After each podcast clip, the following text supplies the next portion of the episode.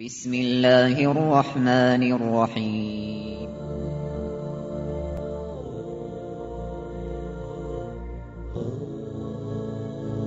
الرحمن العزيز الرحيم القوي السلام الكريم العظيم البصير العليم الحكيم الجبار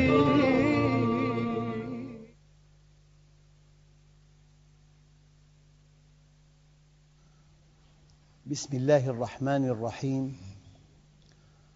الحمد لله رب العالمين والصلاة والسلام على سيدنا محمد الصادق الوعد الأمين.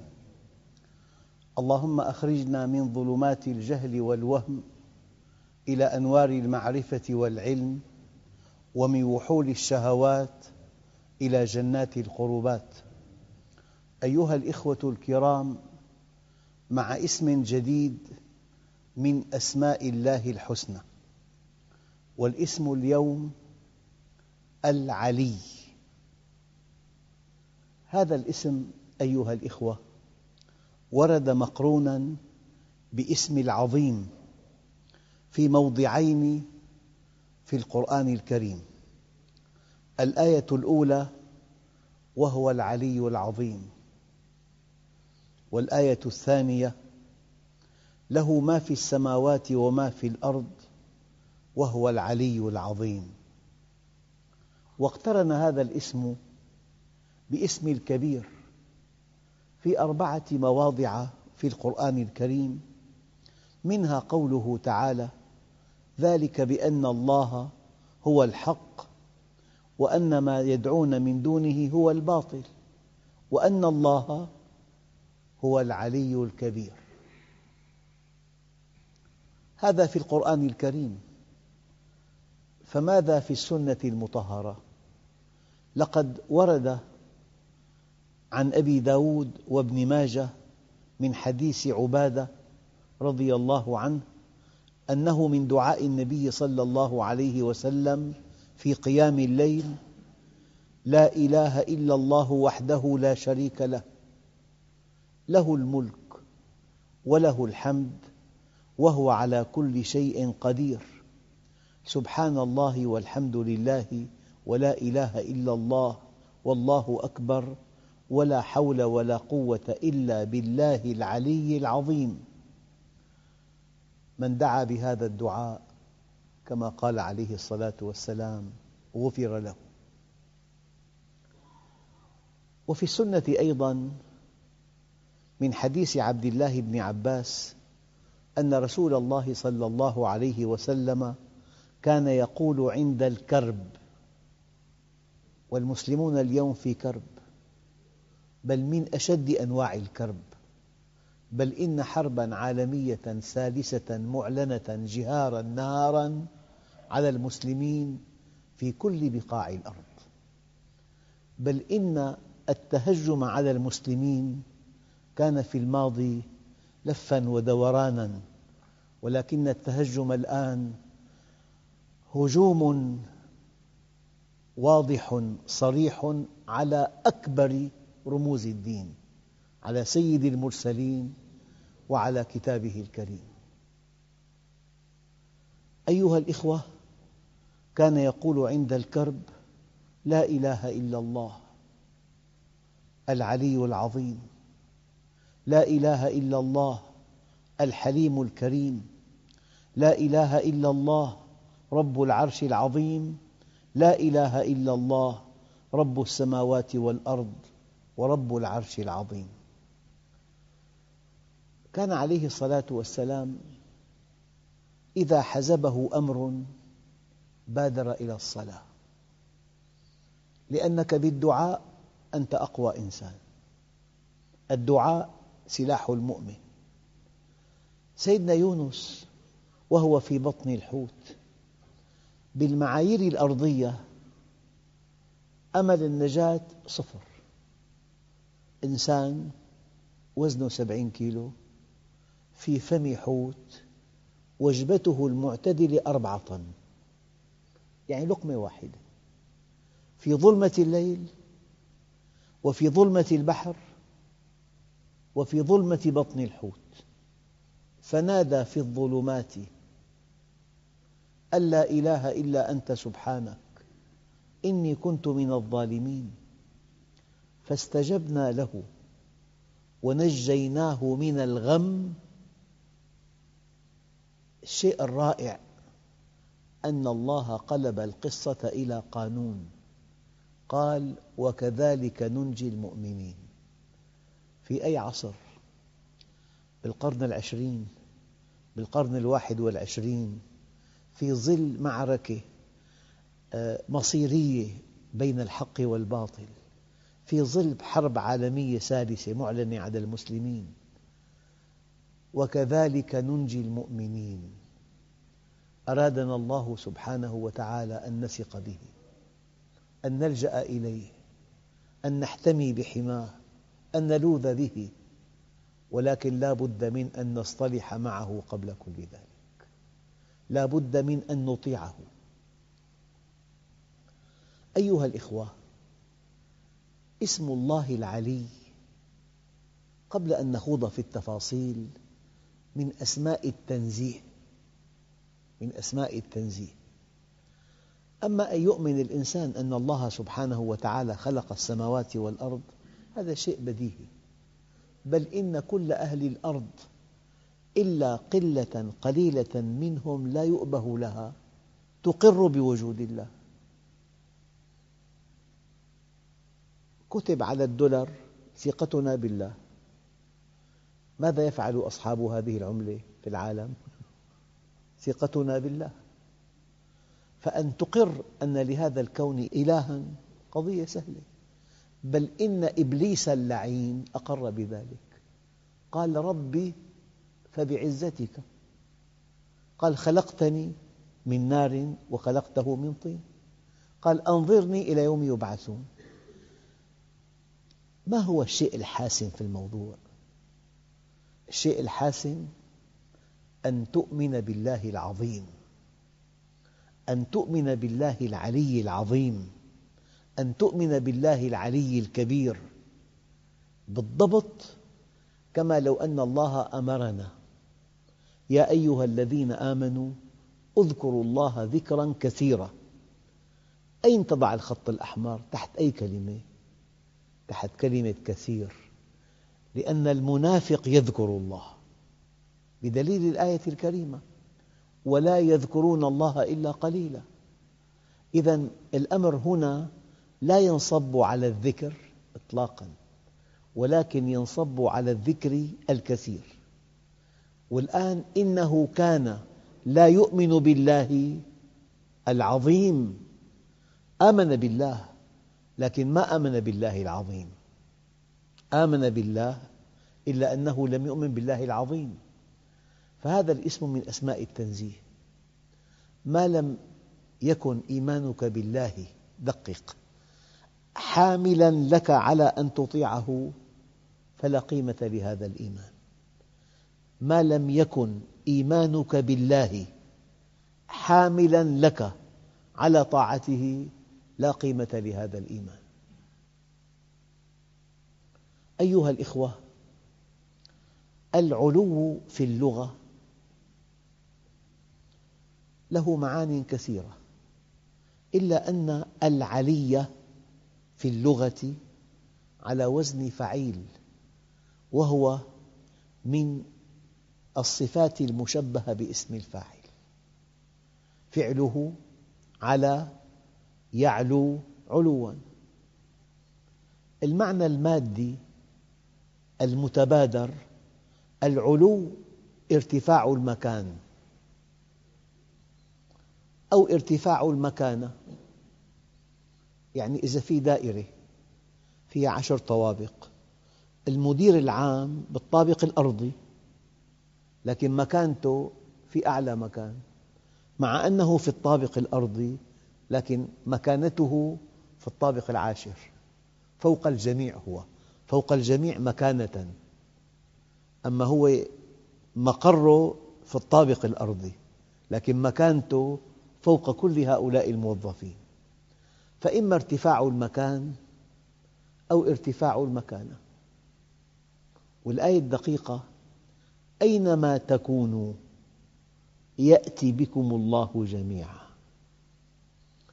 في أي مكان كنتم؟ بل في أية مكانة كنتم.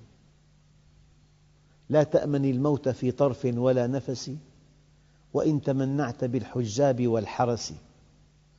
فما تزال سهام الموت نافذة في جنب مدرع منها ومترس. أراك لست بوقاف ولا حذر كالحاطب الخابط الأعواد في الغلس. ترجو النجاة ولم تسلك مسالكها. إن السفينة لا تجري على اليبس. إذا أينما تكونوا في أي مكان كنتم بل في أية مكانة كنتم. كل مخلوق يموت ولا يبقى إلا ذو العزة والجبروت. والليل مهما طال فلا بد من طلوع الفجر والعمر مهما طال فلا بد من نزول القبر. وكل ابن أنثى وإن طالت سلامته يوما على آلة حدباء محمول فإذا حملت إلى القبور جنازة فاعلم بأنك بعدها محمول. إذا العلو ارتفاع المكان أو ارتفاع المكانة أي ارتفاع المجد والشرف. قال تعالى دقق الآن. ولا تهنوا ولا تحزنوا وأنتم الأعلون إن كنتم مؤمنين. الطرف الآخر بيده أموال لا تأكلها النيران. بيده الإعلام بيده التحالفات. العالم كله مع الطرف الآخر. ومع كل ذلك إذا كنت مع الله فأنت الأعلى وأنتم الأعلون إن كنتم مؤمنين. سبحانك إنه لا يذل من واليت ولا يعز من عاديت. العلي في أسماء الله هو الذي علا بذاته فوق جميع خلقه. علا بذاته فوق جميع خلقه. فاسم العلي دل على علو الذات والفوقية. دل على علو الذات والفوقية. والعلي أيضا كما قلت قبل قليل من أسماء التنزيه يعني الله جل جلاله تعالى عن كل صفة لا تليق به. هل يليق به أن يظلم؟ مستحيل. لا ظلم اليوم. ولا تظلمون فتيلا. خيط بين فلقتي نواة التمر. ولا تظلمون نقيرا. نواة التمر أحد رأسيها مؤنث كالإبرة. ولا تظلمون بمقدار قطمير غشاء رقيق يغلف نواة التمر. لا ظلم اليوم وما كان الله ليظلمهم. وإن تك مثقال حبة من خردل أتينا بها وكفى بها بنا حاسبين. والله عز وجل تعالى عن أن يشبه خلقه. تعالى عن كل ما خطر ببالك. فكل ما خطر ببالك فالله بخلاف ذلك. والعلي هو الذي علا فلا تدرك ذاته ولا تتصور صفاته. يعني لا يعرف الله إلا الله. العلي هو الذي تاهت الألباب في جلاله. العلي هو الذي عجزت العقول عن أن تدرك كماله. كل هذه المعاني أيها الإخوة. يمكن أن ترد حينما تقول الله هو العلي. علي مكانة علي تنزيها علي عزة علي أن أحدا لن يحيط به ولا يدرك ذاته. علي بمعنى رفيع القدر والله سبحانه وتعالى قال عن ذاته العلية إنه هو العلي الكبير. ما لم تعظم الله جل جلاله لن تعظم أمره. إذا عرفت الآمر ثم عرفت الأمر تفانيت في طاعة الآمر. أما إذا عرفت الأمر ولم تعرف الآمر تفننت في التفلت من الأمر. أيها الإخوة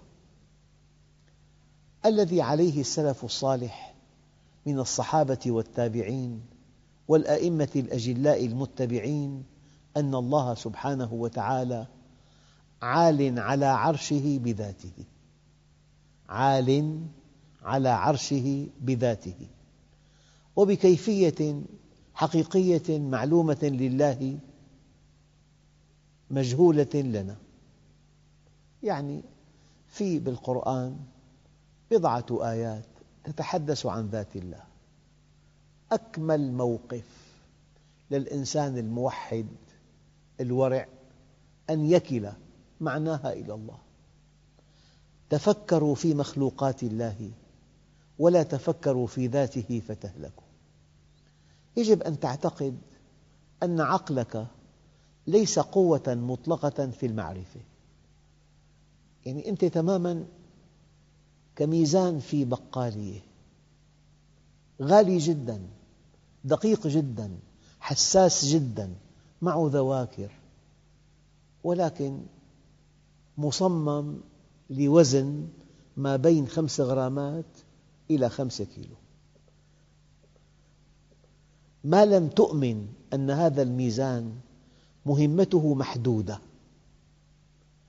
فإذا أردت أن تزين به سيارتك وضعته على الأرض وسرت فوقه تكون قد حطمته. هل يعد هذا علة في الصنعة؟ لا لا. علة في المستخدم. تفكروا في مخلوقات الله ولا تفكروا في ذاته فتهلكوا. لذلك قالوا عين العلم به عين الجهل به. وعين الجهل به عين العلم به. لذلك قالوا العجز عن إدراك الإدراك إدراك. مثل بسيط. واحد سألك المحيط الهادي كم لتر؟ لمجرد أن تدلي برقم فأنت جاهل. أي رقم؟ لمجرد أن تدلي برقم فأنت جاهل. ولمجرد أن تقول لا أعلم فأنت عالم. لذلك قالوا عين العلم به عين الجهل به وعين الجهل به عين العلم به وتكون في أعلى درجات العلم إذا قلت لا أعلم. أنا أقول لكم هذه الكلمة. تقييم الأشخاص من شأن الله وحده. النبي عليه الصلاة والسلام توفي أحد أصحابه. من عادته أن يذهب إلى بيت المتوفى قبل التشييع فلما ذهب إلى البيت سمع امرأة تقول اسم المتوفى أبو السائب. سمع امرأة تقول هنيئا لك أبا السائب لقد أكرمك الله. النبي وحده لو سكت لكان كلامها صحيحا لأن سنته تعني أقواله وأفعاله وإقراره. لو سكت لكان كلامها صحيحا. فقال عليه الصلاة والسلام ومن أدراك أن الله أكرمه؟ هذا اسمه عند علماء العقيدة تأل على الله تطاول من أنت حتى تحكم على فلان؟ أنه من أهل الجنة أو أنه من أهل النار؟ من أنت؟ تقييم الأشخاص من شأن الله وحده. ألا ومن أدراك أن الله أكرمه؟ قولي أرجو الله أن يكرمه. ضيف كلمة أرجو. وأنا نبي مرسل لا أدري ما يفعل بي ولا بكم. على وجه القطع.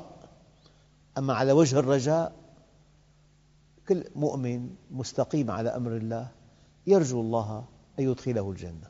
بس رجاء الرجاء في أدب.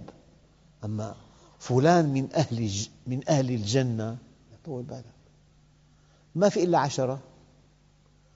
الذين بشر بهم النبي وأحد هذا هؤلاء العشرة عملاق الإسلام سيدنا عمر. ذهب إلى حذيفة بن اليمان قال له يا حذيفة بربك. اسمي مع المنافقين. تلاقي شخص تارك العبادات. ماله حرام. علاقاته مشبوهة. لك أنا إيماني أقوى من إيمانك. شيء مضحك. سذاجة غباء حمق. إذا كان سيدنا عمر يقول بربك لحذيفة اسمي مع المنافقين. لذلك أحد التابعين قال التقيت بأربعين صحابيا. ما منهم واحد إلا وهو يظن نفسه منافقا. من شدة الخوف من الله من شدة الورع من شدة القلق. لذلك أيها الإخوة لا بد من أن تؤمن بالله العظيم. فهذه الآيات المتعلقة بذات الله أكمل موقف. أن تكل معناها إلى الله. يعني ارتح وأرح الناس. هناك من يؤول إلى حد ما مقبول. أنه وجاء ربك يعني جاء أمره. يد الله فوق أيديهم يعني قوته. يسمعك أي يعلم ما تقول. هناك من فوض. هذا أرقى موقف. هناك من أول إلى هنا ينتهي الصح. أما إذا عطلت أو جسدت وقعت في عقيدة زائغة. إذا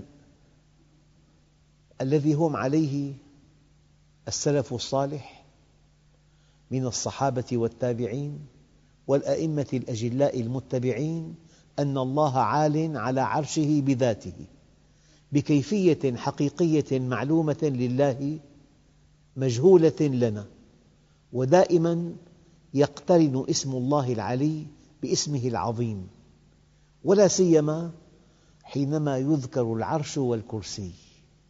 ففي آية الكرسي وهي كما تعلمون أعظم آية في كتاب الله وسع كرسيه السماوات والأرض ولا يؤوده حفظهما وهو العلي العظيم.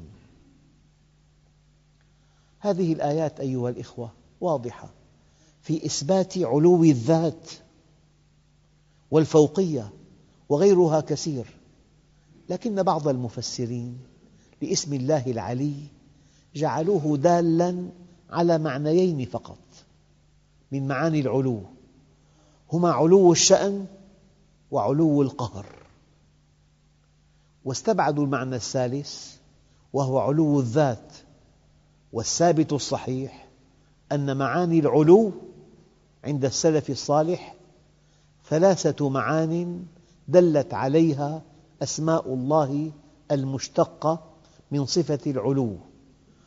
فاسم الله العلي دل على علو الذات. واسم الله الأعلى دل على علو الشأن. سبح اسم ربك الأعلى واسم الله المتعال دل على علو القهر. علو الذات وعلو الشأن وعلو القهر. والنبي عليه الصلاة والسلام لما سأل الجارية أين الله فأشارت إلى السماء فأثبت لها الإيمان. أأمنتم من في السماء أن يخسف بكم الأرض؟ لأن السماء رمز العلو. لأن السماء رمز العلو. شهد النبي الكريم لها بالإيمان فلا إشكال عند الموحدين العقلاء في فهم حديث الجارية وقولها إن الله في السماء والأمر واضح جلي أي اعتراض على هذا؟ هو اعتراض على رسول الله؟ عد إشارتها إلى السماء إيمانا. والدليل الآية الكريمة أأمنتم من في السماء أن يخسف بكم الأرض فإذا هي تمور؟ صار علو الذات والفوقية علو الشأن علو القهر. أيها الإخوة الكرام ما لم نؤمن بأن, بأن الله علي عظيم وبأنه علي كبير.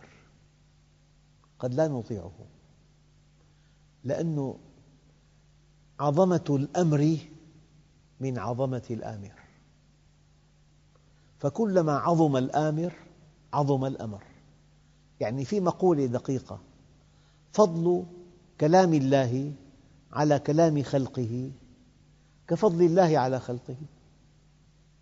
الآن لو واحد درس أي علم أرضي وإنسان درس أسماء الله الحسنى فضل علمه بأسماء الله الحسنى على فضل علمه بمخلوقاته كفضل الله على مخلوقاته.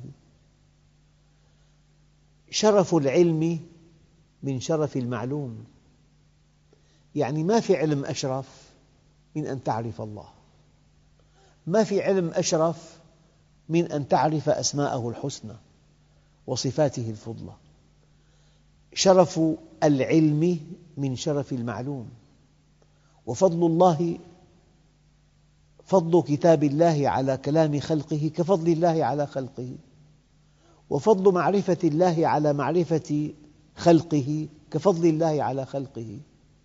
فلذلك الإنسان حينما يغفل عن الله ويتقن شيء في الدنيا.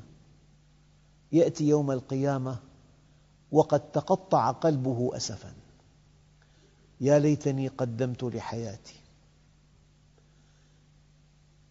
يا ليتني اتخذت مع الرسول سبيلا. يجب أن نعرف الله. لذلك قال تعالى المال والبنون زينة الحياة الدنيا والباقيات الصالحات. قال بعض العلماء أن تقول سبحان الله والحمد لله ولا إله إلا الله والله أكبر. يعني أن تسبحه وأن تحمده وأن توحده وأن تكبره.